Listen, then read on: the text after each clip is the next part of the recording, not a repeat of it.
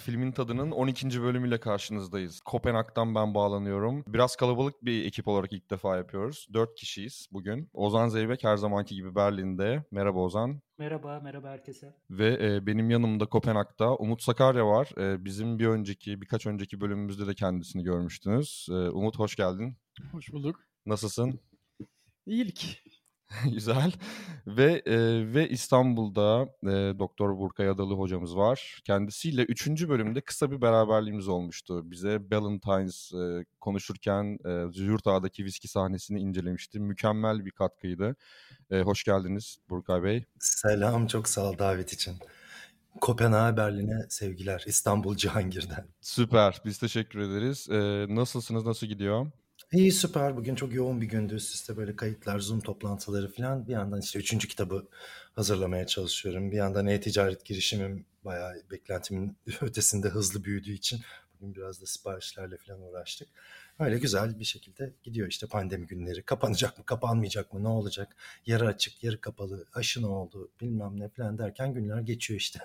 Hepimiz aynı şekildeyiz zaten. Berlin'e dönelim. Ee, Ozan nasıl gidiyor orası? Ya fena.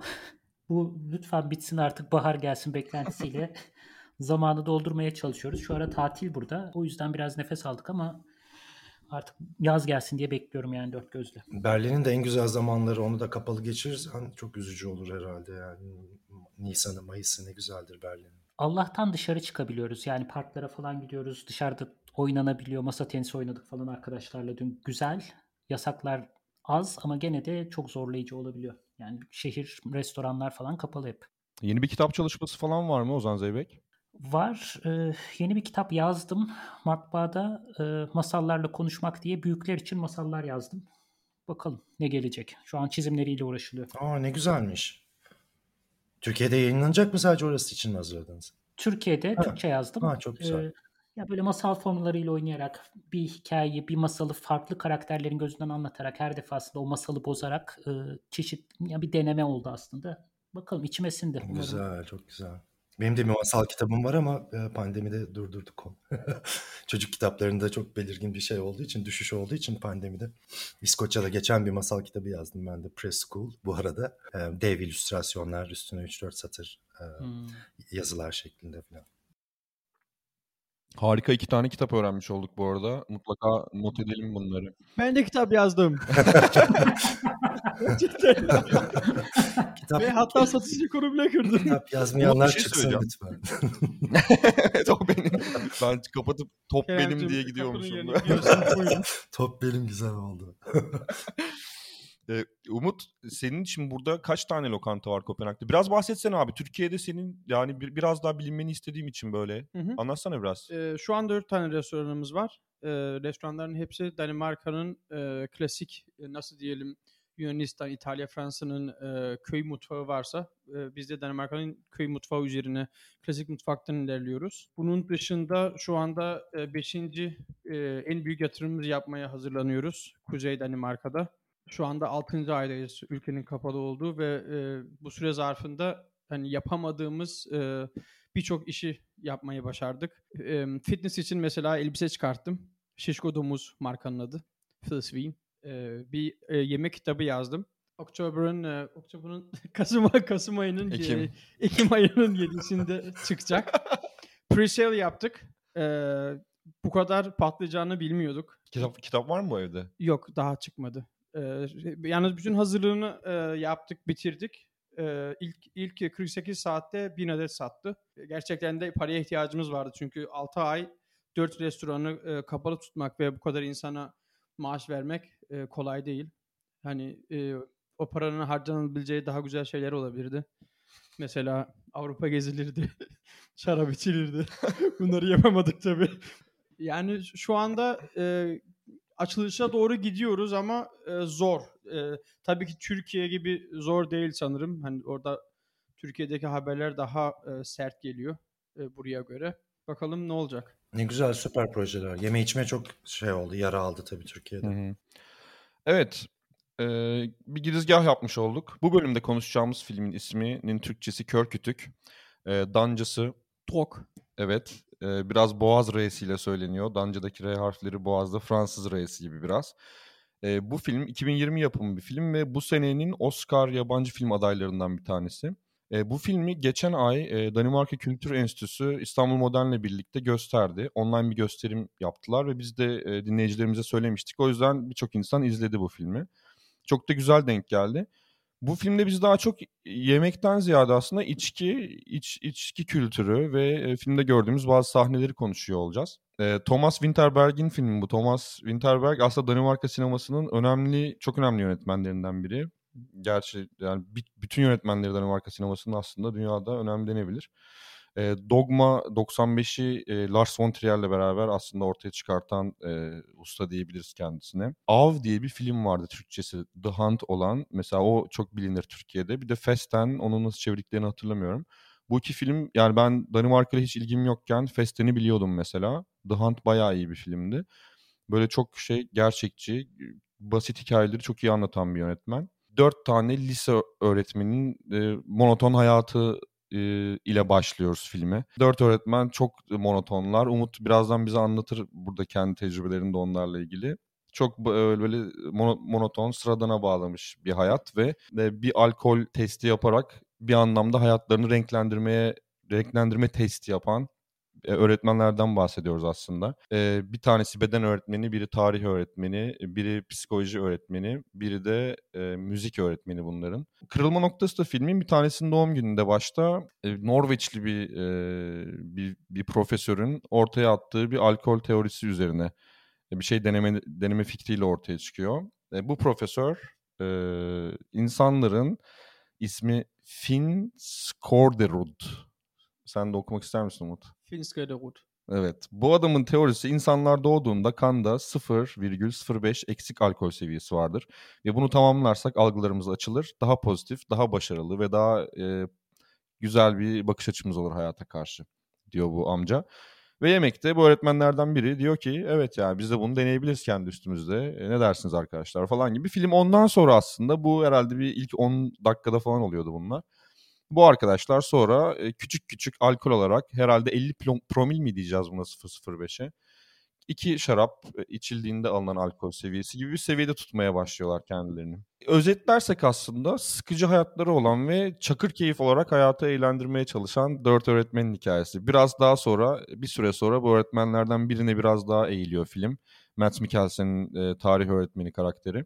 E, sonunu pek söylemeyelim ama alkol gerçekten önce çok güzel şeyler yaptırıyor hepsine. E, sınıfta güzel güzel ders vermeye başlıyorlar. İlişkileri neredeyse daha renkleniyor. Hayat mutlu bir hale geliyor. E, sonunda tabii o kadar da iyi olmuyor her şey. Şimdi yani enteresan bir zamanda olan bir film. Bir yıldır eve kapalıyız. Ee, bar yok, eğlence yok. Böyle sosyal hayat azaldı. Böyle bir zamanda filmin durduğu yerde tabii biraz aslında alakalı oluyor. Çünkü film bayağı bir sıkıcı bir hayatı renklendirmek, hayata olan böyle bir e, ne bileyim böyle bir teşekkür gibi geldi bana. E, bunu da konuşuruz. Neyse ben çok uzatmayayım isterseniz. Burkay hocamızla başlayalım isterseniz. Neden içki içeriz e, hocam? Yani alkol ne nasıl bir etki yapar bize? Alkol kelimesi Arapça bir kelime. Onu e, biliyoruz. Yani herhalde o coğrafyada bulunmuştur çok çok uzun zaman önce. Ee, evet evet alkol Arapçadan geliyor. Alkoholden geliyor. Kül kelimesinden geliyor yani. İlk imbiyi keşfettikleri zaman tabii şey yap içki içelim, happy hour yapalım falan diye keşfedilmiyor imbik. Sonuçta e, bir Cabir El Hayyan, e, bir e, Horasan'da doğmuş bir bilim adamı şarabı kaynattığı zaman çıkan buharın alev aldığını fark ediyor. E, bunu e, nasıl kay şey kaydedebilir, nasıl kaynatabiliriz, nasıl bir e, cihazdan geçirebiliriz falan derken alembik dediğimiz, yani şu anda imbik dediğimiz şeyi keşfetmiş oluyor. İlk çıkışı o aslında ve orada alkol şeyin özünü buluyor. Şarabın özünü buldum diyor. Hatta e, alkol kelimesini de ilk söyleyen kendisi değil, öğrencisi El Razi. E, o da şey diyor işte bir şeyin özü kül mesela kadınlar gözüne rastık çeker ya o bir şeyin dibinde kalmış yanık siyah şeyi gözüne çeker kadınlar rastık o külü çeker. Bu benim bulduğum da alkol şeyin şarabın özü e, o yüzden adı el kuhul olsun diyor. Hani şey gibi kül kelimesinden geliyor bir şeyin özünü bulduk anlamında. Zamanla işte e, önce vodka gelişiyor Rusya'da. Sonra Avrupa'da değişik yerlerde işte farklı içkiler, İskandinavya'da özellikle akvavit gibi işte tahıllardan yapılan ya da farklı şeylerden yapılan, meyvelerden yapılan biraz şey gibi düşünebiliriz.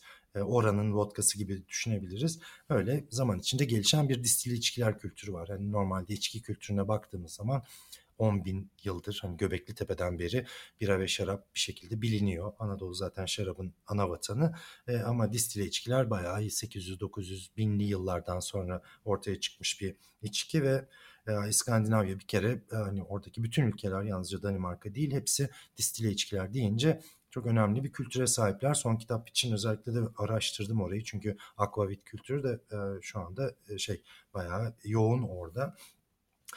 Niye içki içeriz? İşte o, o bayağı uzun uzun üzerine konuşulabilecek bir şey ve e, tabii işin psikolojik boyutu da var, e, sosyolojik birçok bir şeyden açılan için inceleyebiliriz ama sonuçta pek çok kişi baktığımız zaman biraz rahatlamak, bazıları sarhoş olup tamamen kafayı dağıtmak falan gibi yani var olan gerçekliği biraz bozmaya, kırmaya çalışma çabası e, söylediğin çok güzeldi. Pandemi geçen sene çok garip bir dönem oldu. Hepimiz evde oturduk. Hayatta evde oturmayan insanlar. İşte ben 22 gün evden çıkmamışım mesela. Ben hayatımda böyle bir şey hiç yaşamamıştım. 22 gün evden çıkmamak. 23. gün çıktım bir yürüyeyim diye şey oldum.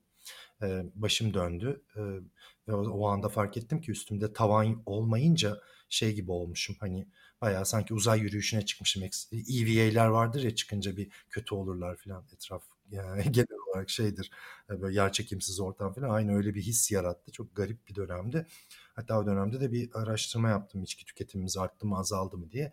E, yaklaşık eşit çıktı azaldı diyenle arttı diyen ama e, bu anketi tekrarladığımda mesela pandeminin birinci yılında alkol tüketiminin belirgin olarak arttığı çıktı ortaya. O yüzden hani sıkıcı hayatlarımıza bir renk getiren bir keyif verici madde olarak söyleyebiliriz. Bu filmde de denk gelmesinin sebebi o anlamda da güzeldi. Hani e, belli bir sosyalleşmenin içinde olan insanlar olduğumuz için hani bu kaybolunca sosyalleşememe durumu içine geçmiştik. Hani onun üzerine filmi izleyince de bendeki hisse o oldu. Hani sanki pandemideymiş gibi insanların hani ne yapalım falan deyip böyle bir e, alkolle doğru kaymaları çok ilginç gelmişti bana.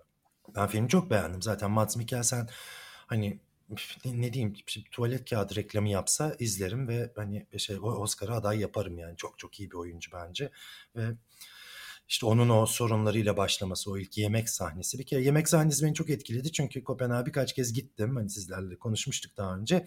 Birkaç kez gittim ve birkaç gün kaldım ama şey beni çok etkilemişti. Hani bir fine dining olmasa bile bir restorana gittiğinizde garsonun sizle olan ilgisi, oturtması, işte şunlar şunlar var bugün spesiyalite demesi ya da işte bir yemeği sunarken mesela bütün masanın sessiz kaldığı bir anı bekleyip işte elinizdeki çorbadaki maydanoz işte şu bölgeden geliyor, bu bu bölgeden geliyor, şarabımız da şuradan geliyor falan gibi böyle anlatması mesela Türkiye'de hiç alışık olmadığımız bir şey burada tak diye önümüze koyuyor. Sorsan da garson bilmiyor şeyi. Hani atıyorum o levrek deniz levreği mi şey mi onu bile bilmiyor di, diyeyim size değil hangi nereden geldi. Mesela o yüzden yeme içme kültürü zaten ilgimi çekiyor şeyin Danimarka'nın. O masada oturmaları işte e, önce şampanya ile başlamaları, vodka almaları falan bir e, deneyim yaşamaları yani restoran deneyimi olayına çok e, şey değiliz. Yeni yeni öğreniyoruz Türkiye'de. Mesela ilk o hoşuma gitti. Üstüne Mats Mikkelsen'in o hafif kırılma anı hani sorunlarım var evde demesi falan.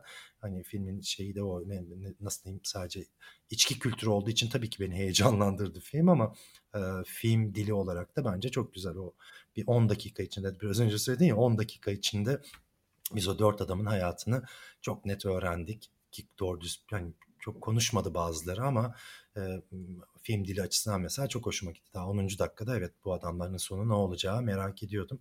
O yüzden e, ben çok beğendim filmi. Devamında da zaten e, tabii spoiler vermiyoruz bugün muhtemelen ama hani e, işte o içki kültürüyle, psikiyatriyle olan alakaları falan e, çok şeydi, e, etkileyiciydi. Ben çok beğendim filmi.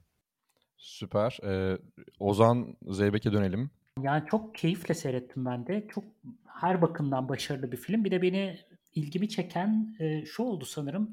Çok uzun süredir keyif verici maddelerin çok e, uzun bir geçmişi var. Yani sadece alkol de değil, pek çok toplumda farklı araçlarla insanlar bir şekilde kafayı bulmak, gündelik dertleri birazcık böyle uzaklaştırmak bir sürü yol denemişler. Hatta bir kitapta okumuştum. Bunu yapan sadece insanlar da değil. Mesela e, Güney Amerika'da jaguarlarda böyle belli otları çiğneyerek, çiğneyerek kafa yapan otları kafa buluyorlar. Yani sadece insan türüyle sınırlı bir hikaye de değil bu aslında. Burada ama bir hikaye var. Bütün bu damıtılmış içkilerin tarihi e, özellikle Kuzey Avrupa'da, Avrupa ülkelerinde yani endüstrileşen ülkelerde başka bir böyle e, güzergah da izliyor. E, her yerde kullanılıyor. Pek çok amaçla kullanılıyor. Hem yemeklerde kullanılıyor bir kısmı özellikle fermente içkiler hem temizlik amacıyla kullanılıyor. İşte yaralarda, hastanelerde yani çok yaygın bir kullanım var. Ve bizim bugün kullandığımız şekilde kullanılmıyor. Yani zamanı yok, yaş gruplarına göre ayrılmıyor. Çocuklar da içiyor, yani sabah da içilebiliyor, öğle yemeğinde de çorbaya katık yapıp içilebiliyor. Yani çok farklı şekillerde içilebiliyor. Bütün bu Kuzey Avrupa endüstrileşmiş ülkelerin tarihi bir yandan da bu zamanları belirlemek, e, içki içenleri rehabilite etmek, yeni bir protestan ahlakı, çok çalışalım, hatta kahve içelim, bu kadar e, alkol içilmesin ki işçiler zamanında işe gelebilsinler falan gibi çok zorlu bir mücadele var arka planında. Filmde benim hoşuma giden şu oldu. Orada uzun uzun 200 senede ya da 150 senede en azından çizilmiş sınırları bir daha aşmayı deniyor. Yani iş saatinde alkol içilmez.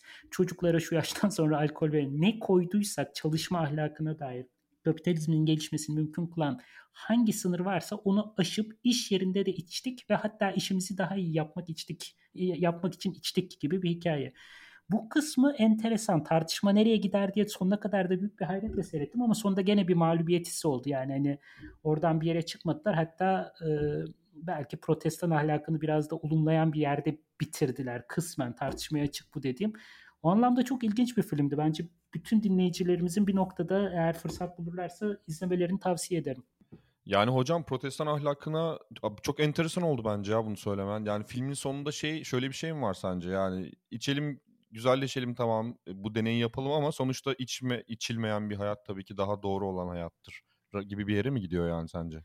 Çünkü bedeli çok büyük gibi bir mesaj verdi bize. Yani birinin ödediği bedel, filmde spoiler vermeden konuşmaya çalışıyorum. Hı hı. O bedel ödendiği andan itibaren yaptıkları deney e, onlara bir yük haline geldi. Katılıyorum ben de çok içki içilen bir ülke gördüğüm kadarıyla. 3 yıldır burada yaşıyorum. Genç yaşlara kadar. Zaten filmin en başında da onu görüyoruz. Filmin en başında öğrencilerin böyle metroya falan gidip hatta bir gö- gölün etrafında işte bira kasası taşıyarak koşup içerek Hı-hı. falan böyle bayağı içip sarhoş oldukları Hı-hı. bir oyun görüyoruz. O oyun ne? Mesela onu da anlat abi. Bir Hı-hı. de e, senin burada gençliğin nasıldı? Şu anda nasıl görüyorsun? İçki kültürü. Ee, şimdi şuradan başlayalım. Bu filmin konusundaki insan hani e, bu dört arkadaşın baştan e, yavaş azar azar içip e, dozu yükseltmelerinde e, bir Danimarka sözünün e, geçerliliğini görüyoruz. E, Danimarkaca'da yani insan her zaman daha fazlasını ister deniliyor. Alkol için söyleniyor tabii sadece bu.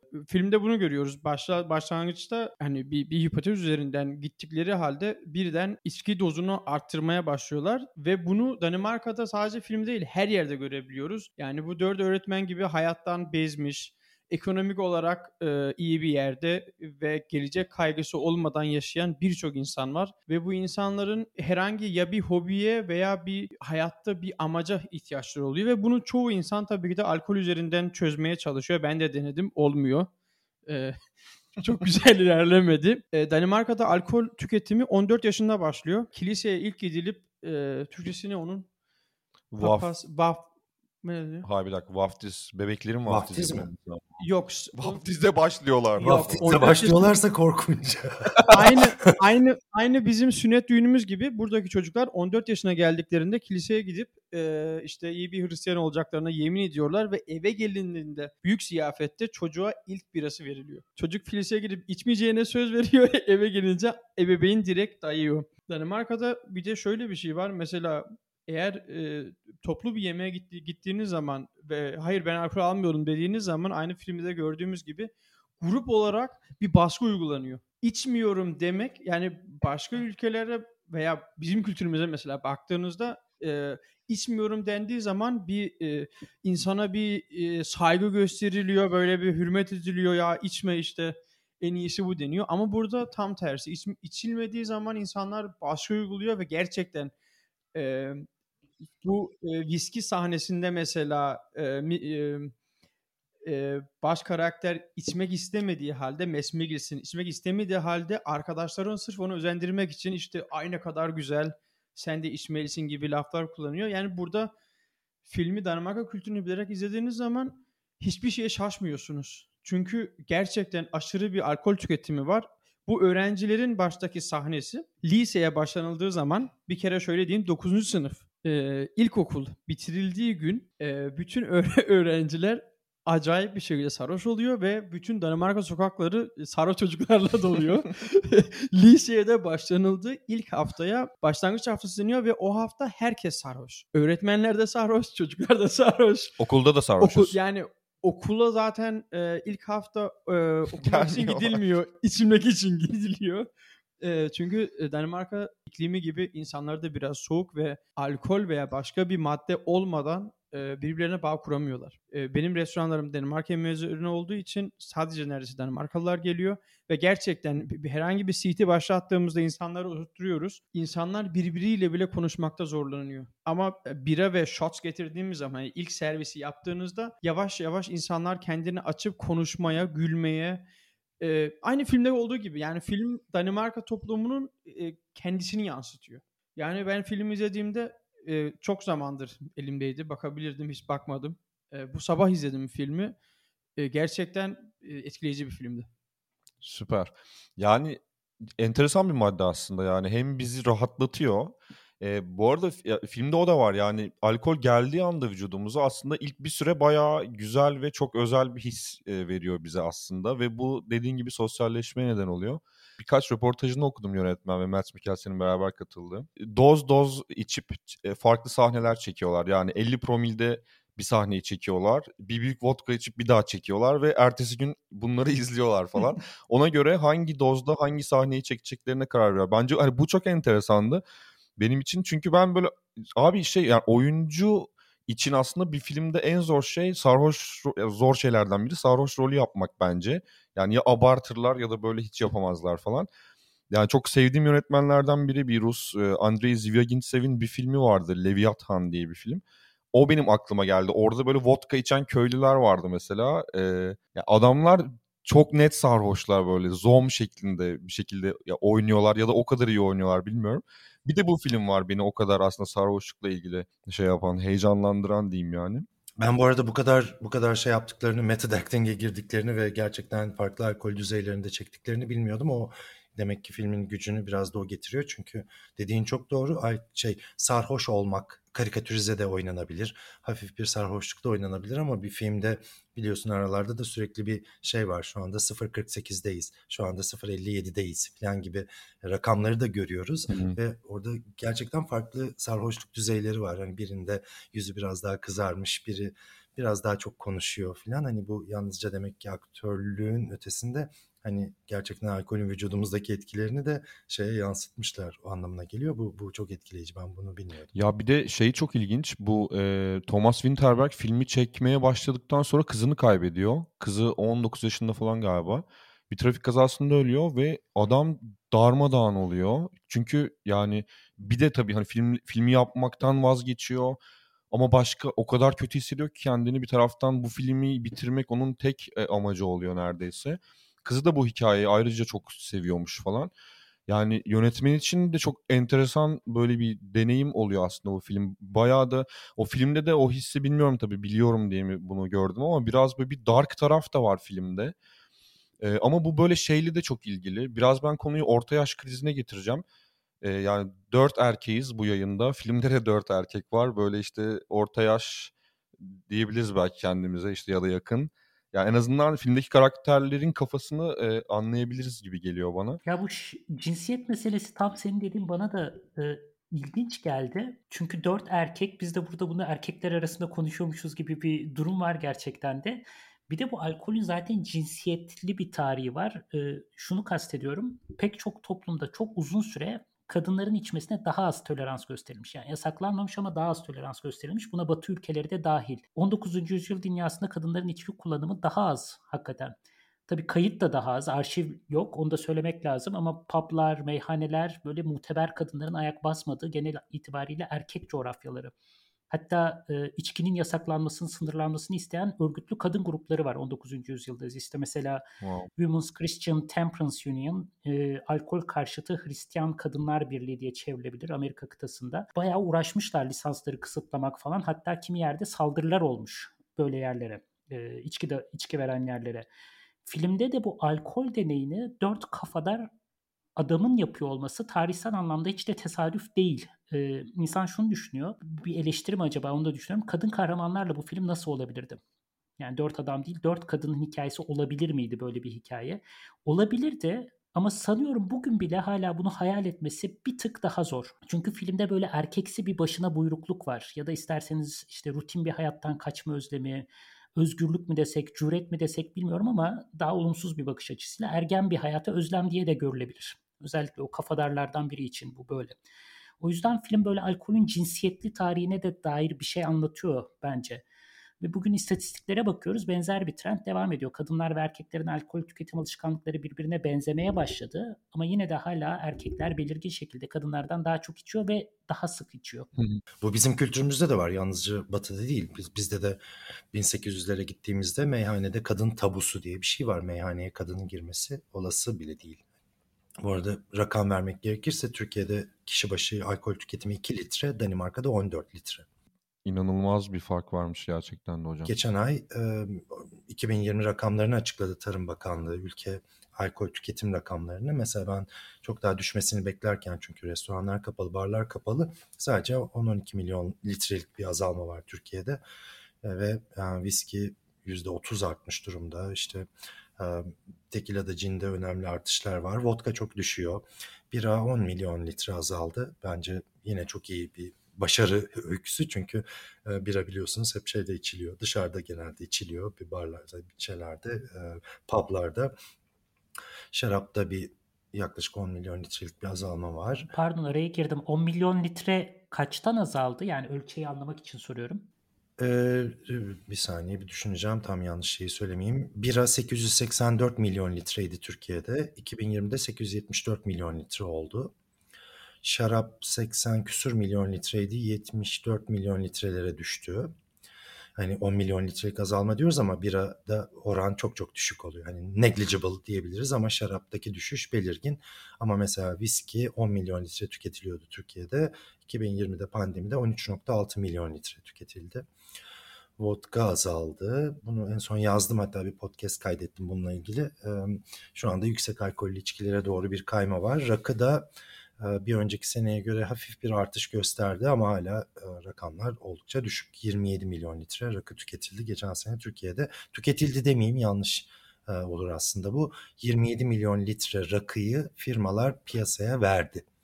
Yani 27 milyon litre normal rakılar içildiyse bandrollü biz yaklaşık 12-13 milyon litresinin de kaçak içkiler olduğunu düşünüyoruz. Çünkü biliyorsunuz Türkiye'de fiyatlardan dolayı şu anda insanlar etil alkole bir şeyler katıp içki yaptığını düşünüyor. Mesela ana son damlatıp rakı yaptım deyip rakı içenler de var evde. Yani rakımsı içenler de var. Onu da eklediğimizde 44 milyon litreyi falan buluyoruz. Tabii bu düşük hala çünkü 44 milyon litre rakı bizim 2004 rakamlarımız. Şu anda da geldiğimiz noktada yine 44 milyon litre falan ama yaklaşık 13-14 milyonu şey e, nasıl diyeyim kaçak ya da rakımsı ya da işte evde yapılan nevdü belirsiz e, anasonlu etil alkoller şeklinde. E, bu arada e, ilk baştaki doğum günü sahnesinde bu dört kafadar e, bir akşam yemeğine çıkıyorlar. E, orada bir e, berry havyarı geliyor masaya ve bunu Imperial vodkasıyla beraber e, eşleyip yiyorlar. Biz de Umut'la bugün şimdi berry havyarını açtık, tadına bakıyoruz. İnanılmazmış gerçekten de. Ben bunu Süper. ilk defa yedim. Bu bayağı iyiymiş Umut. Güzelmiş bu arada filmdeki şeyi direkt bulup iyi olmanız harikaymış. Bizim için de iyi. Yok Türkiye'de doğru dürüst havyar bulamıyoruz. Diye. Ya baya baya iyiymiş. Yanında da bir Imperia vodkası var bardağımızda. Şimdi isterseniz biz bunu e, höpürdetirken Umut'la e, bir şarkı dinleyelim mi filmden bir ara vermiş oluruz. Tabii ne güzel olur. O zaman e, Scarlet Pleasure'dan geliyor What a Life filmin açılış şarkısı. Birazdan görüşürüz.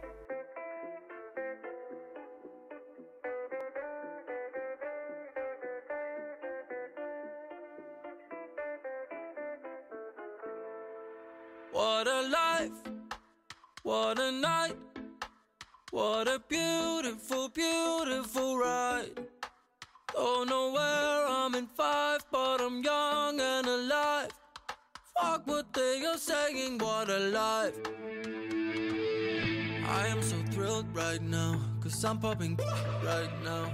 Don't wanna worry about a thing.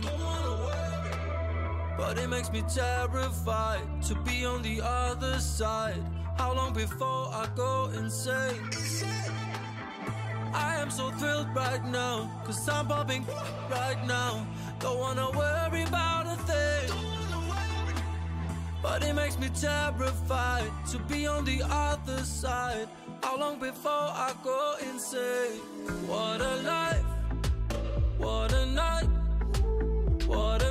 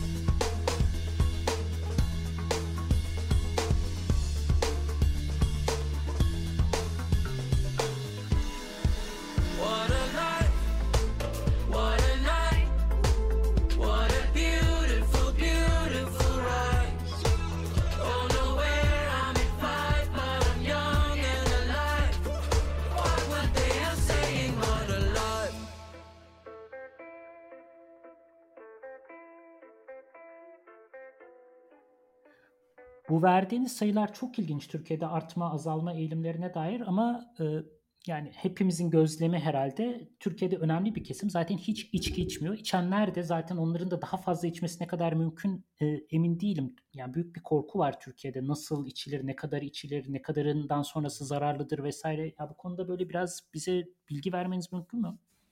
Yani güzel saptama bu arada tabii verdiğimiz rakamlar hep içki içen insanları düşünerek de düşünülmesi gereken şeyler. Tabii nüfusu da şu anda Danimarka'nın nüfusunu bilmiyorum ama mesela Türkiye sonuçta çok daha büyük bir ülke nüfus açısından öyle şeyleri de düşünmek gerekiyor. Kişi başı alkol tüketimi falan dediğimizde Ee, ama dediğiniz doğru sonuçta Türkiye'de pek çok kişi de alkol içmiyor. İçenler içiyor bu söylediğimiz rakamları.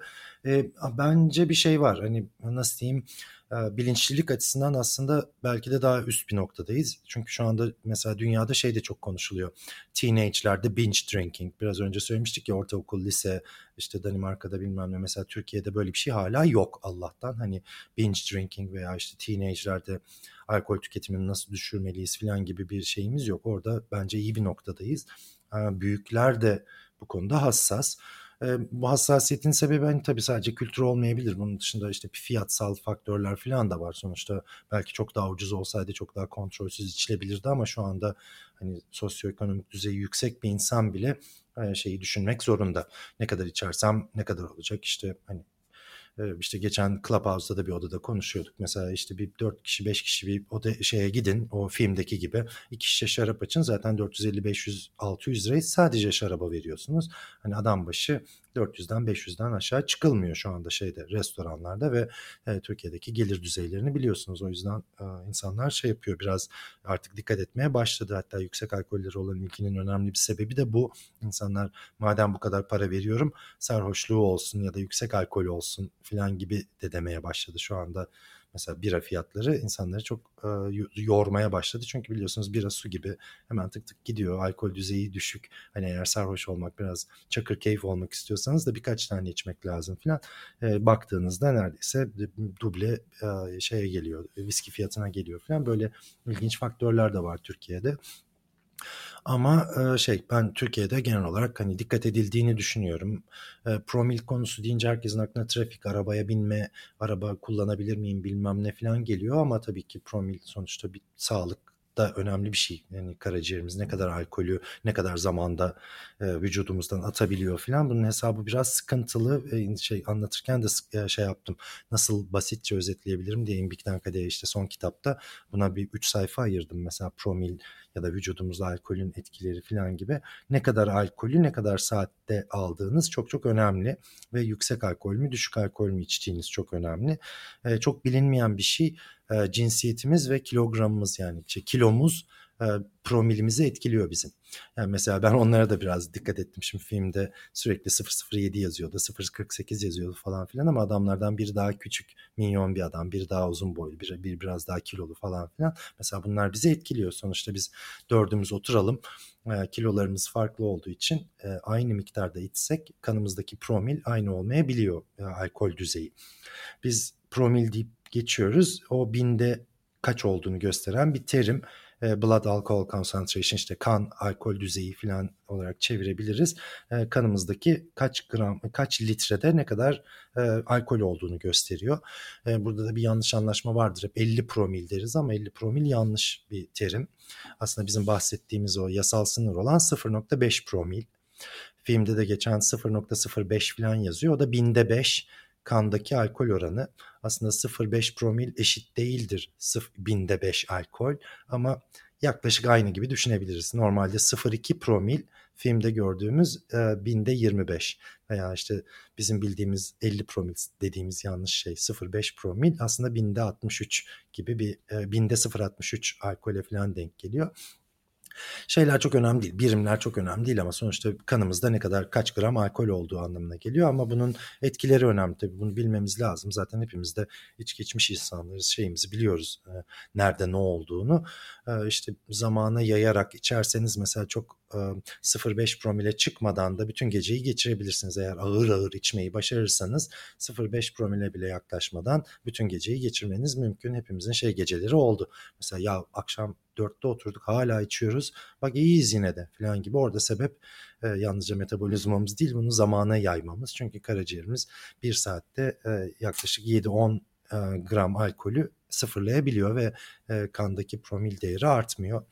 Ama üst üste üst üste içerseniz mesela shot atılırsa filmde de vardı ya işte şu onu içtik hadi şimdi e, vodka geldi hadi bir shot Semet Mikkelsen şey yapmadı içmedi önce sonra bir iki shot attı falan bir anda bir şey oldu. E, orada zaten kanındaki promil düzeyi arttı. İşte 0.5 promil bizim 50 promil dediğimiz artık dikkatin azaldığı böyle hafif hafif muhakeme bozukluğunun başladığı ve psikolojik olarak bizi rahatlatan hani beynimizdeki inhibisyonların durduğu işte yanındaki erkeğe yanaşabilir miyim yanındaki kıza yanaşabilir miyim anı e, biraz insanların rahatladığı e, o bardaki rahatlama anı. Tabii bunu da insanlar seviyor. Zaten film bunun üzerine kurulu. Çünkü o, o inhibisyonlar bittiği anda mesela işte bir hoca sahada hadi koşun çocuklar diyor işte bilmem ne maçı daha bir enerjik yönetiyor işte bir tanesi müzik ben korist olduğum için mesela o hoca da çok ilgimi çekti çünkü daha bir hevesli yönetti korosunu ve e, koroyu şef ne kadar şey yönetirse mesela dolduruşa getirirse o pep talk'ı yaparsa koro o kadar güzel söyler. Yani koro çok güzel söyledi. İşte diğer öğretmen işte tarih anlattı örnekler vererek falan sınıfta çok daha şeydi. Aslında bu işin bir bilimsel tarafı da var çünkü inhibisyonlar kalkmış oluyor ve tabii bu arada biz e, film başta söyledik şey adını yanlış söylersem düzeltin lütfen şey e, Finn Skårderud diyoruz galiba. Skårderud e, bayağı şey bir psikiyatristmiş ben araştırdım.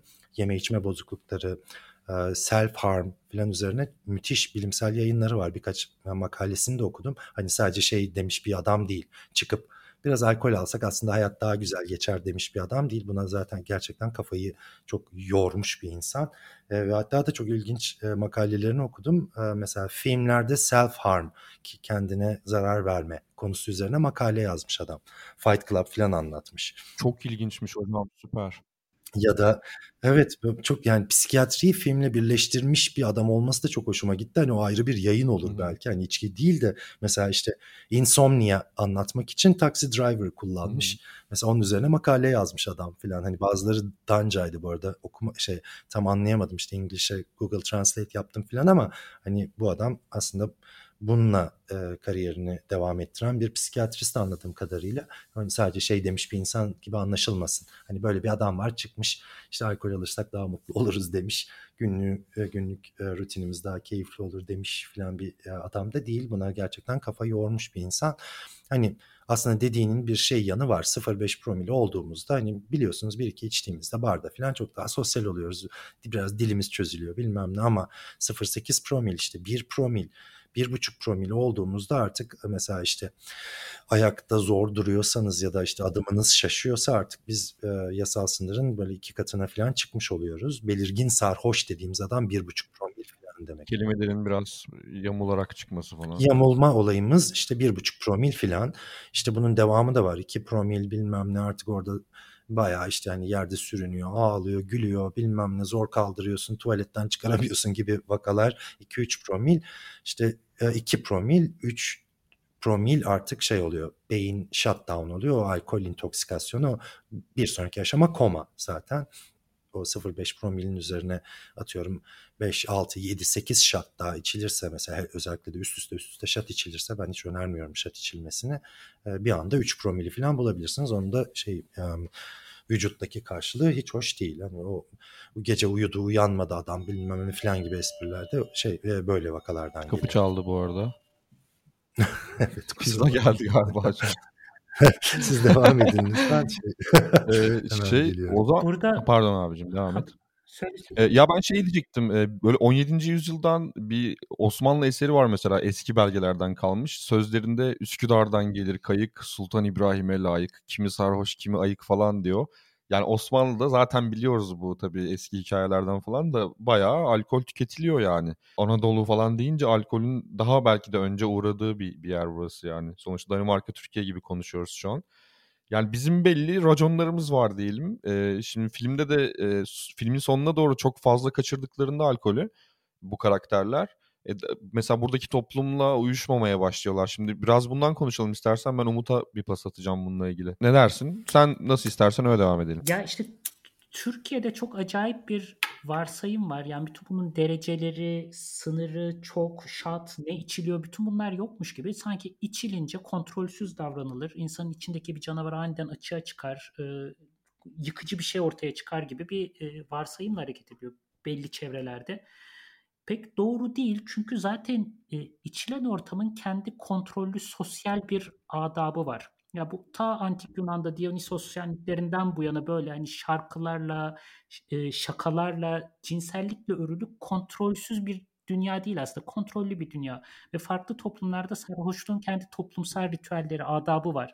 Bizde mesela işte yemekler çilingir sofrasıyla yavaş yavaş, adım adım kalbin kilidi açılacak ya adım adım açılır, dertleşilir, acele edilmez mesela yani alkole bağlı olarak. Hep de şu soruya gidiyor, şiddete yol açar mı? Yani kötü durumlara yol açar mı? Cevap yani kabaca tabii yani o kadar çok örneği var ki evet. Ama şunu da söylemek lazım. Şiddet genelde ayık halde de oluyor. Yani alkollüyken uygulayan erkek e, şiddet uygulayan bir erkek ayık haldeyken de masum çıkmıyor zaten. O kontrol etme, baskı altına almak gibi şeyler normalde hiç yok. Bir anda içkiyle erkek şiddeti açığa çıkıyor demek. Sanırım içkiye fazla önem atfetmek bir de yaygın erkek şiddetin biraz e, azımsamakla ilgili. Yani özetle bütün bu alanın oldukça toplumsal e, yapılandırılmış bir yer olduğunu akılda tutmakta fayda var. Her toplumda farklı tabii ki her toplumda fark, farklı derken e, Umut. Abi Danimarka'da şöyle bir şeyle devam edelim mi? Mesela burada e, sokak içkisi ya da işte böyle kutlama içkileri ya da içerken ne ayıp sayılır mesela. Tuhaf olan böyle içki içilen bir ortamda. Mesela Türkiye'de şey vardır ya. Ya benim gördüğüm şey var mesela İstanbul'da böyle meyhane kültürü üzerinden gidersek. Mesela birisi bir rakı masasında oturup basit olarak bir tane buz koydu bardağına. Üstüne yarısına kadar su doldurup rakı koyarsa falan bu hiç kabul edilmez. Ya da rakı içip böyle çok bağıra çağıra konuşup e, domine ederse de orayı mesela bu da hoş. Mesela aklıma yani, geldi ilk örnek. Burada burada içki adabı olarak e, geçecek tek yer aklıma gelen e, Smørrebrød, Open Face sandviçleri var ya. Bu e, siyah ekmek üzerine konulan e, et veya balık ürünleriyle yapılan bir e, yemek tarzı restoranlarda. Bunlarda tabii öğlen yemeği yeniliyor buralarda adab olarak tek kural orada snaps içerken, e, akvavit içerken onun yavaş yavaş e, her e, e, her yemek değiştirildiğinde çünkü e, 4-5 çeşit yemek yeniliyor genelde e, ağızdaki tadı temizlemek için içiliyor Öyle ve mi? ve bu Süper. yavaş yani tek kural o var yani yavaş yavaş içilen onun haricinde kurula dair hiçbir şey yok. Yani Türkiye'den Türkiye'den meyhane adabını e, iyi bilen insanları buraya getirip e, o tarz bir yere e, koysak bence akılları şaşar. Çünkü e, başlangıçta söylediğim gibi herkes sakin. İki saat sonra bir bakıyorsun kim kime dumduma e, e, şiddet olarak e, şiddet var ama Danimarka'nın yani Kopenhag'ın kaliteli yerlerinde tabii ki de böyle bir şey yok. Çünkü insanlar burada içtikten sonra egolarını kaybediyorlar. Egosuz bir şekilde arkadaşça e, devam ediyor akşam. Bu da çok e, değişik bir şey çünkü Türkiye'de İstanbul'da gördüğüme göre e, insanlar sarhoş olduklarında egoları tavan yapıyor. Sanki böyle yani ne bileyim kendilerini bir şey zanneder gibi davranıyorlar. Burada tam tersi. E, oturup yani ben oturup Carlsberg'ın e, müdürüyle içmişliğim var. Carlsberg. Carlsberg diyelim. aynen. E, insanlar içince daha da rahatlıyor burada. Sanırım e, ters etki yapıyor çünkü burada insanlar çok kasıyor ve içince birden böyle bir rahatlama duygusu oluyor. Ama adab olarak bir şey yok. E, birayı mesela e, e, içmek için içmiyoruz burada. Birayı normalde mesela öğlen yemeğinin yanında bir bira içebiliyorsun veya e, arkadaşına giderken yanında bir bira götürebiliyorsun. Ve bunu hiç kimse yadırgamıyor çünkü bira alkol olarak geçmiyor. E, ve bira içilmeye başlandığı zaman normal günlük hayatta bira içilmeye başlandığı zaman daha çok e, ufak bira evlerinden özel biralar seçilip tadımlık olarak e, tüketiliyor. Ama tabii e, cuma, cumartesi, pazar, pazartesi ve haftanın bütün günlerinde içmek isteyen insanlar gerçekten bokunu çıkartıyor diye diyebiliriz. Ve burada e, en benim anlam veremediğim şey şu. iki arkadaş herhangi bir Türkiye'deki tekel bayiler gibi bir yere gidip bira alıp sokakta yürüyerek onu içiyorlar. Ben onu hiç anlayamadım, anlam veremedim. Ama aynı nasıl su veya kola içilirse burada da aynısını yapabiliyoruz. Ve hiç kimse yadırgamıyor. Ve günün hangi saatinde olursa olsun mesela diyelim sabah 10'da birisi sokakta bira içerken gördüğünüzde insanlar yadırgamıyor. Çünkü e, onlar için gayet normal bir şey. E, alkolik olarak geçmiyor. Tabii aynı bütün ülkelerde olduğu gibi e, yüksek sınıflara çıktığınızda her ne kadar insanlar şarap veya bira günlük tüketse bile e, alkolik gözüyle bakılmıyor. Çok şanslıyız o yüzden. Bu arada filmde de mesela yani lise öğretmenleri öğrencilerle bira falan içebiliyorlar mesela. Yani Türkiye'de bunu düşünürsek bu bayağı yani Tabii burada çok olarak. normal bir şey. O çok çok ilginç bir sahneydi evet. Hadi kutluyoruz, içiyoruz birlikte Aynen sınıf falan. farkının çok e, düşük olması ve ego bakımından çok iyi bir ülke. Çünkü insanların birbirine karşı böyle bir ezme çabası veya gereksiz bir sınır koyma çabası yok. Herkesi herkes herkesin insan olduğunu bildiği için yadırganmıyor. Yani öğretmen öğrenciyle içebiliyor veya e, mesela ben öğretmenimle 2010'da İspanya'da bir yarışmaya katılmıştım ve benim öğretmenim o gece o kadar sarhoş oldu ki ertesi gün adam uçağı kaçırdı ve bunu yadırgamıyor kimse. hani bak Başka bir ülkede olsa belki belki okuldan atılır. Bur- burada adamı tebrik ediyoruz. Yani iyi bir akşam geçirmiş diyoruz. Yani kültür bakımından alkolle gerçekten iç içeler ama e, sa- hani çoğu insan sarhoş olmak için değil. Sadece bu sosyal e, aradaki mesafeyi kaldırmak için içiyor bence. Kontrast iki toplumu konuşuyoruz. Güzel oldu. Kesinlikle çok çok. Bu da bu da çok ilginç bir yanı şeyin filmin bence. Hani ben hep şey diyorum. Türkiye'de de çok garip karşılanıyor. Mesela içki sarhoş olmak için değil, keyif için içilen bir e, keyif verici maddedir. Hani birçok insan için sarhoş olma şeyi olduğu için mesela hala onun hesabını yapanlar var. Ben onu içersem sarhoş olmuyorum, bunu içersem sarhoş oluyorum falan gibi. Yo diyorum hani onu biz keyif almak için içiyoruz. Ve aslında biz o 0.5'i yakalıyoruz, yakalamaya çalışıyoruz. Çünkü 0.5'te hepimiz hani hangi istersek çok sosyal bir insan olalım, istersek çok kapalı, introvert bir insan olalım. O 0.5 promil hepimizi açıyor. Hepimiz yaşadık bunları. Biraz şey yapınca bir, bir iki içince daha güzel konuşuyoruz. İşte esprilerimiz kötüyse bile daha bir şey yapıyoruz. Güzel anlattığımız için birileri gülüyor falan.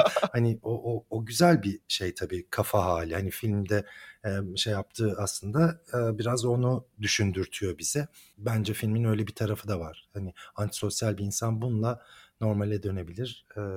İşte çok da sarhoş olmazsak aslında bu güzel bir şeydir. Yani non inhibisyon anıdır gibi bir şey de var. E, düşündürme yanı da var filmin. O hoşuma gitti benim. O gerçekten çok üzücü. Türkiye'de insanlar içtiği zaman veya mesela ben Türkiye'ye giderken yanımda sürekli şampanya, şarap bir şey getiriyorum. Hani bir akşam açtığınız zaman insanlar sarhoş olmayı bekliyor. Ee, oturup mesela aileyle bir şey iki kadeh şarap içtiğiniz zaman e, sanki böyle sarhoş olup bir şey olacakmış havası yaratılıyor. Ben onu anlayamadım.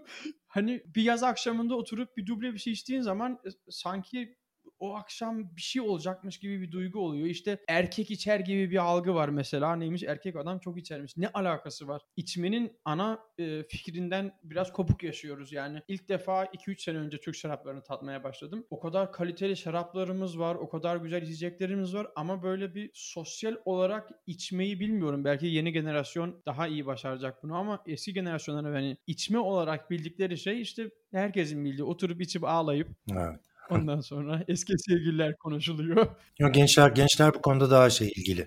Bir de şey kültürü e, biraz önceki bir yayında da onu çok konuştuk. İçki kültürüne çok büyük bir ilgi var şu anda. Hani bilerek içmek, e, keyif alarak içmek. Ha bu Merlot'ymuş, işte bu kalecik karasıymış, bak bu viski bundan üretiliyormuş, işte bu single'mış, bu harmanmış falan hani insanların arkasındaki o bilgileri de almak istiyor. Onları aldıkları zaman da daha keyifli içiyorlar.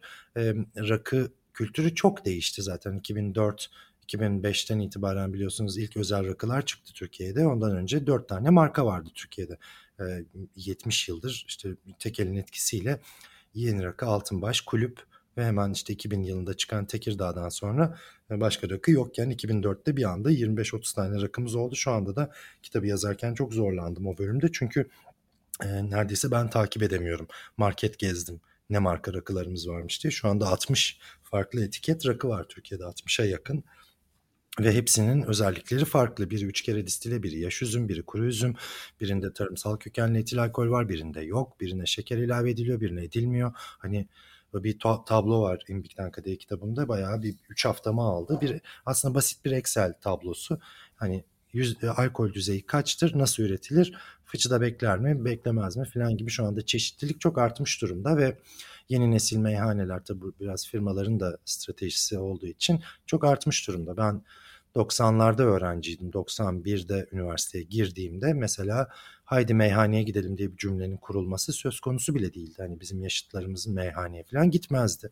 Meyhane yani büyüklerimizin gittiği, babaların, dedelerin gittiği falan yaşlı bir içkiydi, şeydi, mekandı ve rakı yaşlı içkisiydi.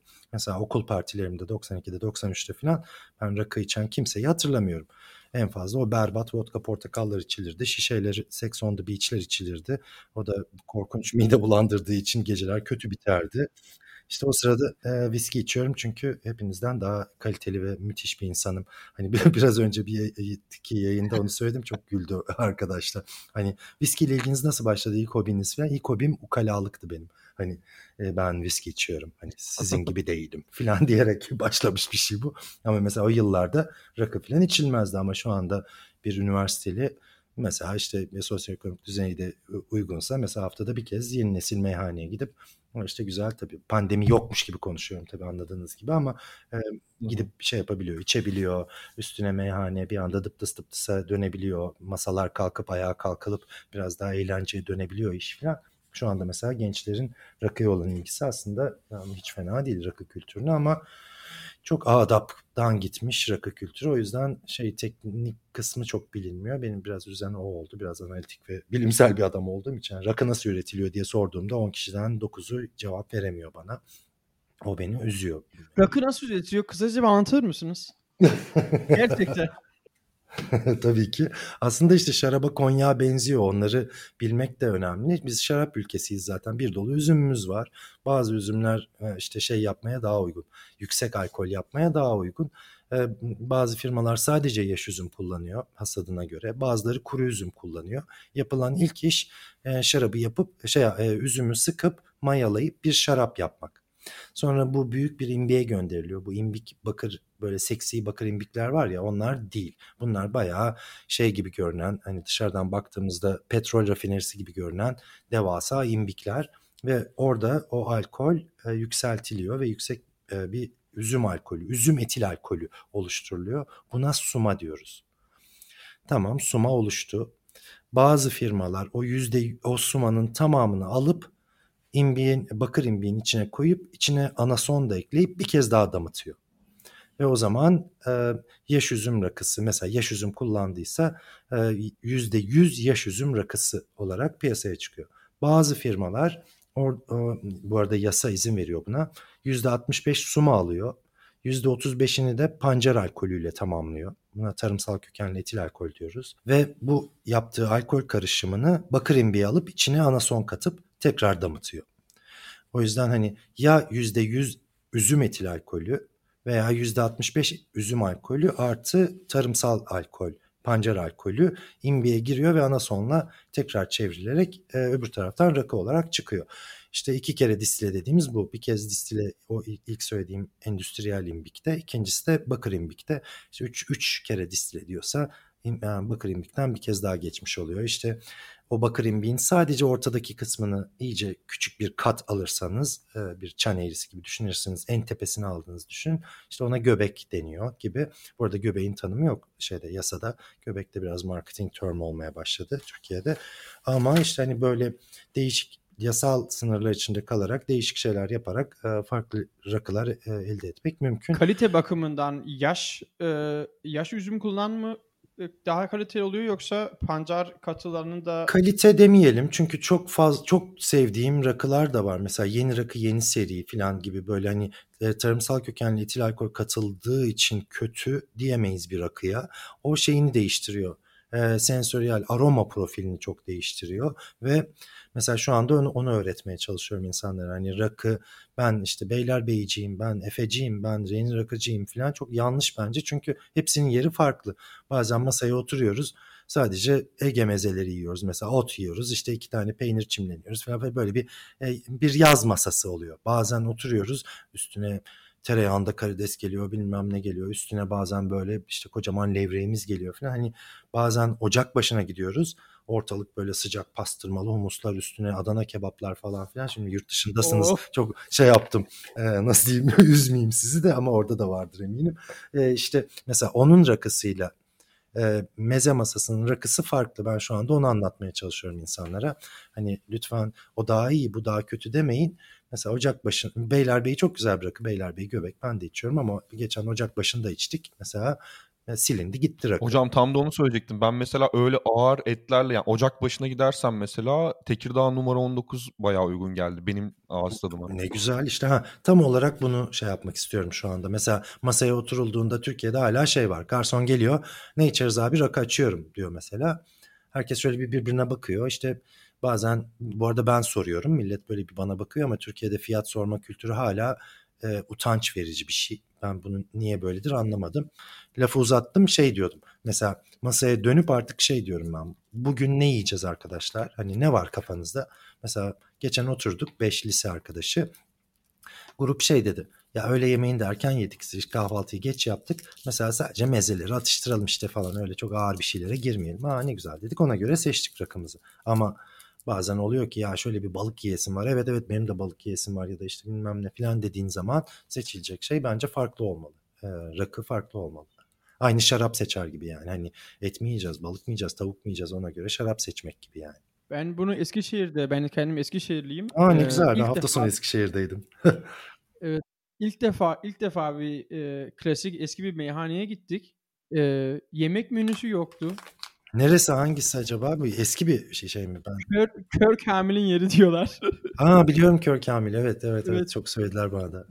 yani e, hesap konusunda gerçekten e, sıkıntılı çünkü şey istediğiniz zaman menüde hesap yok, menü yok. Ee, tabii e, meze olarak konsept olabilir. Hani istediğiniz her şeyi seçebilirsiniz ama Danimarka'da böyle bir şey düşünülemez. Yani ben restoranlarımda bazen e, müşteriyle mesela bir kadeh bir şey içiyorum. Onlara da bir e, kendim servis veriyorum. Anında soruyorlar. Fiyatı ne kadar? Diyorum ki işte rahat olun bu benden. E, ama Eskişehir'de gerçekten güzel e, böyle yeni meyhane tarzı çok güzel yerler var. Terasa gitmiştik. Eskişehir'de sanırım İstanbul'da da açıldı. Meze Teras buraya da geldi. Çok başarılı. Kitabımda evet. kocaman bir fotoğraf kullandım hatta oranın meze e, dolabıyla. Süper bir yerdi. Evet. Süper bir yerdi. Çünkü ben çocukluğumdan hatırlıyorum. E, meyhana denince işte söylediğiniz gibi babaların oturup sigara içtiği sıkıcı, Son gittiğimizde gerçekten e, insanın gidesi geliyor böyle tertemiz, e, servisleri güzel. Şarap istediğiniz zaman size e, buyurun şarap e, mahzeninize götür götür e, buyurun şarap mahzenimize götürelim deniyor. Sizinle bir ilgileniliyor. Yani e, bir de şu var kimi insan mesela e, şarap hakkında pek bilgisi olmuyor, utanıyor, soramıyor, soramayınca öğrenemiyor. Hı hı. E, Çok iyi bir nokta bu. Bence harika Aynen. bir nokta o. Ee, Mesela ben ben hiçbir zaman e, şu anda size rakıyı sormamın sebebi gerçekten bilmiyor olmam. E, her ne kadar e, ne kadar içsem de ve Türkiye'de e, ayrı bu sormak ayıp gibi oluyor. O yüzden insanlar öğrenemiyor. E, böyle saçma sapan bir olay oluyor insanlar dışarıya çıktığında. Hesabı bilmiyor. E, hesap ne kadar gelecek bu büyük bir sorun. Ne içtiğini bilmiyor. E, içtiği e, ürünü anlatacak personelin olmaması zor. Yani müşteri böyle kaz gibi görünüyor sanırım. Ee, özellikle biz Avrupa'dan geldiğimizde e, Türkçemizden direkt anlıyorlar zaten. Ee, ama işte kaliteli yerler var çıkıyor Ee, ve gerçekten insana zevk veriyor kendi ülke hani Türkiye'de Türk yemeği yiyip Türk şarabı içip Türk rakısı içip böyle yerlerin olması gerçekten insanı sevindiriyor. Ya işte Avrupa'da özellikle Kopenhag'da diyorum ya çok hoşuma gitmişti benim o. Fiyatını da biliyorum artı geliyor anlatıyor ya da ben soruyorum. Mesela işte şunu şöyle yaptık, bunu böyle yaptık. Mesela burada biraz utanıyorsun gibi. O hani ya da muhabbeti bölmüş gibi oluyorsun. Geçen bir meyhaneye gittik, bir balık geldik. Yani balık o barbun hayatı boyunca bu kadar şenlenmemiştir yani. O masa masada o, tabak hani görmüşsünüzdür belki sosyal medyada böyle menekşeler yanında işte pancar ezmeleri bilmem neler öyle bir bir, bir ızgara yapılmış ki hani şey gibi e, ne bileyim solaryumdan çıkmış barbun yedik falan yani. Ama orada mesela çok sormak istedim ben o bunu nasıl yaptınız şunu nasıl yaptınız bilmem ne o masaya geliyor aa ne güzelmiş falan deniyor. İşte Allah bilir de bilmem kaç lira yazıldı ona. Hiç şey yapamadık bile hani bak, görmedim bile. Ama orada mesela Kopenhag'da olsaydım çok net sorabilirdim. Aa bunu nasıl yaptınız, ne yaptınız bilmem ne falan ya da biz istememiştik pahalı mı falan gibi. Bu Türkiye'de öyle bir ukalalık var sanki fiyatı sorunca şey küçük hesap yapan adam konumuna Aynen. düşülebiliyor. Evet sanki sorguluyormuşsunuz yani böyle Burada- bir şey arıyorsunuz. Burada aşçılık aşçılık eğitimini ben burada Kopenhag'da aldım ve e, Kopenhag yarışma timinde falan bulunduğum için e, garsonların da e, yarışma yarışma timi değil mi o? E, Jüri. Jüri. Yok jüri değil. E, beraber e, mesela yarışmalara katılıyorduk. Dünya şampiyonası, Avrupa anladım. şampiyonası falan. Hı hı. E, Kopenhag okulunda garsonluk okuduğunuz zaman teknik olarak yapamasanız bile teknik olarak bir aşçı kadar yemeğin nasıl yapıldığını, Hı. hangi teknikler kullanıldığını ve hangi malzemenin nereden geldiğini bilmek zorundasınız. Fantastik. Ee, dört muhteşemmiş. buçuk yıl alıyor bu eğitim.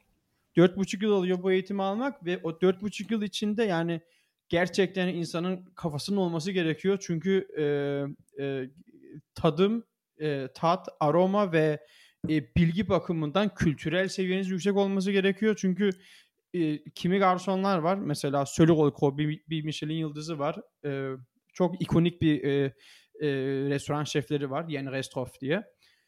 Adam bir anlatmaya başlıyor şarabı. Diyor ki işte diyor Paris Havalı'na geldiniz diyor. 20 dakika diyor şuraya gittiniz diyor. Oradan diyor o köyü diyor açtığınızda diyor. Sol tarafta bir yani anlatırken sanki Fransa'ya gidip geliyorsunuz. O kadar e, servis bakımından gerçekten Kopenhag apayrı bir yer.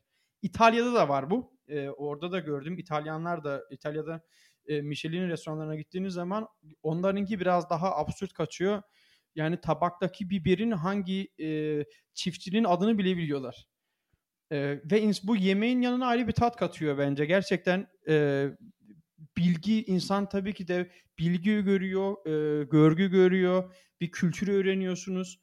E, bence olur Türkiye'de geliyor yani yavaş yavaş. Olacak inşallah. Ben ben geçen geçen İskoçya'da bir tadımı duydum. Mesela hani hep birisi çıkıp anlatıyor ya burada İstanbul'da da ben viski yemekleri falan organize ediyorum. Mesela çıkıp şey yapıyorum. Şu andaki e, işte menümüzde şu anda bunu yiyeceğiz. Şunu şunu yaptık. Ben yanına şu e, viskiyi seçtim. Çünkü bu yüzden şimdi şefimiz bize anlatacak.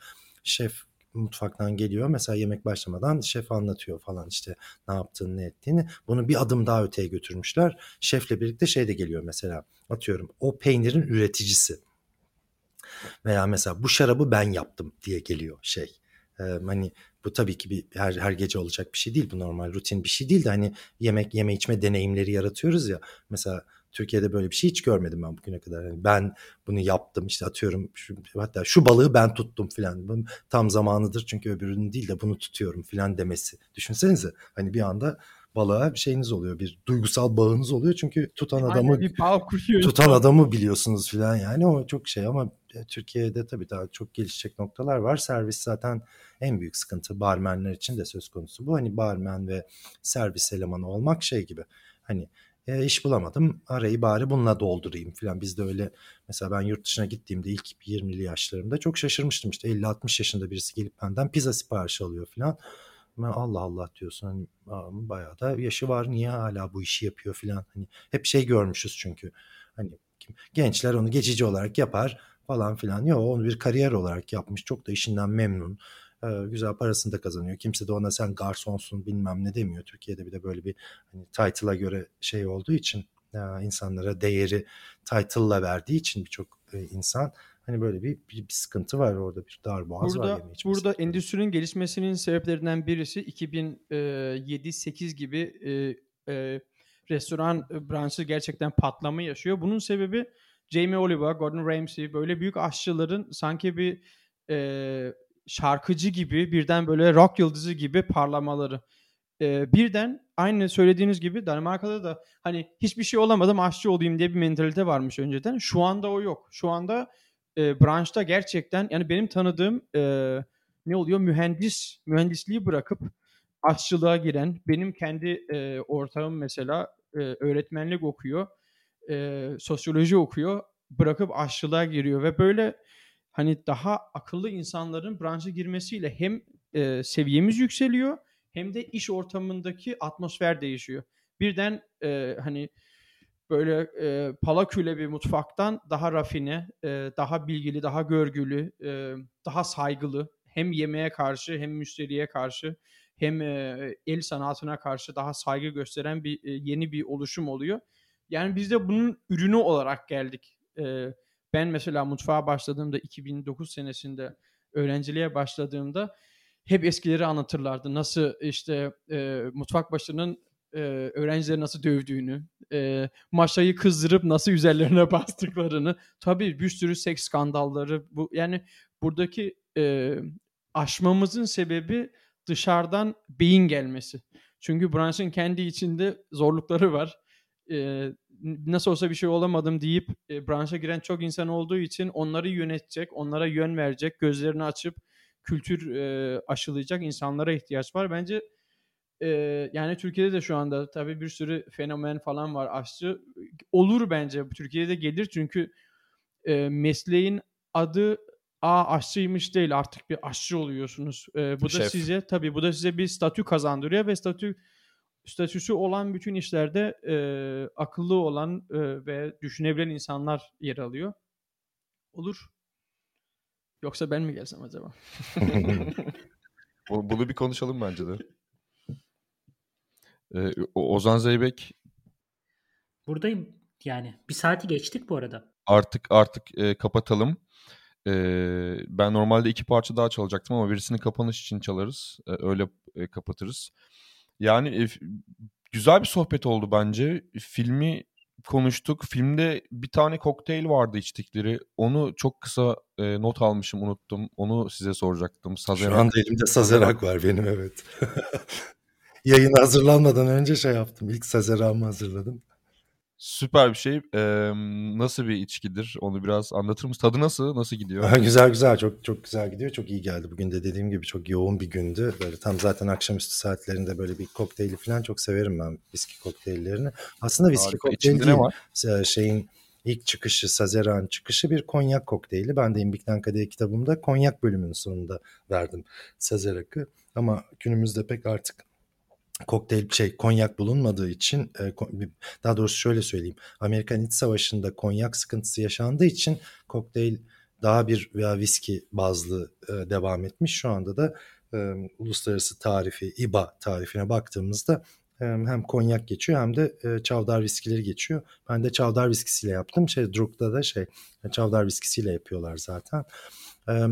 Bitter içkileri duymuşsunuzdur. Bu e, kokteyl dünyasının tuzu biberidir. Böyle Hı hı. küçük şişelerde e, olur. E, kokteyllerin içine sadece bir iki damla konur. Öyle e, uzun işte birkaç siyel falan değil sadece birkaç damla atılır. Zaten kokteyllerin doğma hikayesi genellikle böyle 1850 yılların ortasında 1838 sanıyorum e, Antoine Peychaud diye bir e, eczacı birçok bitkiyi karıştırıyor etil alkolle ve bir e, içki yaratıyor. Aslında içki olarak da yaratmıyor. Mide hastalıklarında falan kullanılacak bir e, şey gibi bir e, sıvı yaratıyor diyelim. E, ama eczanesine falan geliyor gidiyor insanlar. İşte hoşuna gidiyor insanların da tadı bu şeyin e, e, içkinin ve bunu e, bir süre sonra arkadaşlarına böyle özel bir kabın içinde sunmaya başlıyor. Bu arada koketiye deniyor Fransızca. Aslında yumurtalık demek o. Hatta da kokteyl kelimesinin koketiyeden geldiği de düşünülüyor. Cocktail gibi değil de e, koketiyeden gelme uydurma bir kelime olduğu da düşünülüyor kokteylin. Velhasıl işte Pe Peyşo o zaman e, en sevdiği konyak olan César de Forge'un içine biraz kendi içkisi olan bu bitter'dan koyuyor. İşte o zamanlar buz falan da yok. E, o şekilde içiyor insanlar ama e, bir, bir süre sonra biliyorsunuz absint 1800'lerde çok bir ara çok ünlenmiş bir içki. İçine biraz da etan şey e, absint katıyorlar falan öyle bir içki. Daha sonra absint yasaklanıyor biliyorsunuz halüsinojen falan diye ama e, bu arada kitapta onu da yazdım. Halüsinojen değil aslında. Orada aşırı bir absint içimi söz konusu olduğu için o işte içtik delirdik falan dönemindeki o ressamlar, sanatçılar falan aslında absintin e, halüsinojen özelliğinden değil aşırı içmeye bağlı delirme hali artık kaç promil olduklarını bilmiyorum ama o yüzden bir süre sonra zaten absint tekrar da biliyorsunuz var şu anda piyasada. Şu anda işte filmde de bu arada tam IBA tarifiyle yapıyorlar. İşte 5 şey 5 siyal e, viski genelde çavdar viskisi kullanılıyor tabii. Ben de Jack çavdar viskisi vardı. Jack'in e, Rye e, ekspresyonu Türkiye'de bulunmuyor ama yurt dışından getirmiştim ben. Bir çavdar viskisi bulmakta zorlanıyoruz Türkiye'de maalesef. İşte Jack Rye yaptım. İçine şey bardağı absintle yıkadım, döktüm. Sadece yani çevresine, çeperine bulaşmış oldu. İşte bir küp şekerin üzerine 2-3 damla bitir damlatıp buzla e, yapılabilecek en kolay kokteyllerden biri. Çünkü şey istemiyor. Shaker falan gibi böyle özel bir alete ihtiyacınız yok. Sadece bitterla şekeri ezip üzerine e, buz ve viski koymak üzerine. Bazıları absint koyuyor bazıları koymuyor ama ben bir damla koydum. Kolay bir kokteyl ama çok da lezzetli bir kokteyldir. Sağlığınıza arkadaşlar böyle şey gibi oldu. Sağlığınıza biz de o yüzden vodkamızdan bir yudum Değil mi? alalım. Evet evet. Çok güzel ama güzel karşılıklı böyle Kopenhag, Berlin, İstanbul içmek ne güzel. Harikaydı. Ee, herkese teşekkür ederiz bu arada. Çok güzel bilgiler ver- verdiniz. Yani çok güzel bir diyalog oldu. Ee, güzel bir yayın oldu. Teşekkür ederiz hepinize tek tek. Biz teşekkür ederiz. Teşekkür Ee, ederiz. yani filmi konuştuk. Filmdeki içkileri biraz konuştuk. Biraz yemekleri konuştuk. İki ülkenin, Danimarka'nın ve Türkiye'nin içki kültürlerini konuştuk. Ee, bir sürü yeni şey öğrendik. Hocalar sayesinde süper oldu. Ee, Levon Bağış bizle olacaktı bugün bu yayında. On gelemedi galiba Ve- değil mi? Evet. O şey teknedeydi ve Evet az o bir önce uzaklarda bir yerlerde yine. evet çok güzel bir yerlerde geziyor hem de. Az önce fotoğraf atmış. Şimdi fotoğrafa bakıyorum. Selfie yollamış çok güzel. Ve şey rüzgar patladı, hava patladı. e, varamadık karaya demiş. O da bir dahaki bir yayında artık umarım bize katılır. Umut Sakarya, e, Doktor Burkay Adalı ve Ozan Zeybek çok teşekkür ederim hepinize. Harika yayın oldu. Yayını beklemeyelim daha sık görüşelim.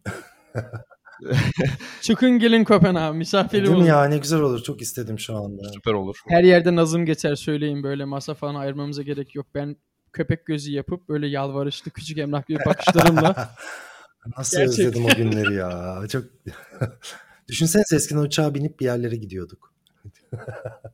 Ya ben ayda bir İstanbul'a gidiyordum. Dört aydır gidemedim şaka Ben gibi. hayatımda ilk Aa, defa yurt ah, dışına gibi. çıkmadım geçen sene. Bir İsveç'e gittim. Ee, hani hayatımda gerçekten ilk oluyor. Ben en az iki ayı yurt dışında geçirirdim her sene. Ibizalara giderdik, Saint-Tropez'lere giderdik, ah, ah, şampanyalar ah. patlatırdık. Ah, Ah canım ah. benim. Şu anda Kopenhag'a razıyım. ah.